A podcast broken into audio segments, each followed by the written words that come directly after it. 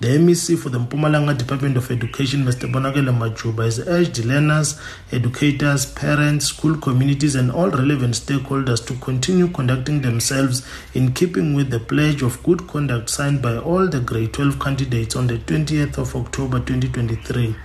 MEC Majuba also commended the learners who have against all odds managed to write and encouraged them to continue exerting themselves vigorously in their studies so that they achieve their full potential.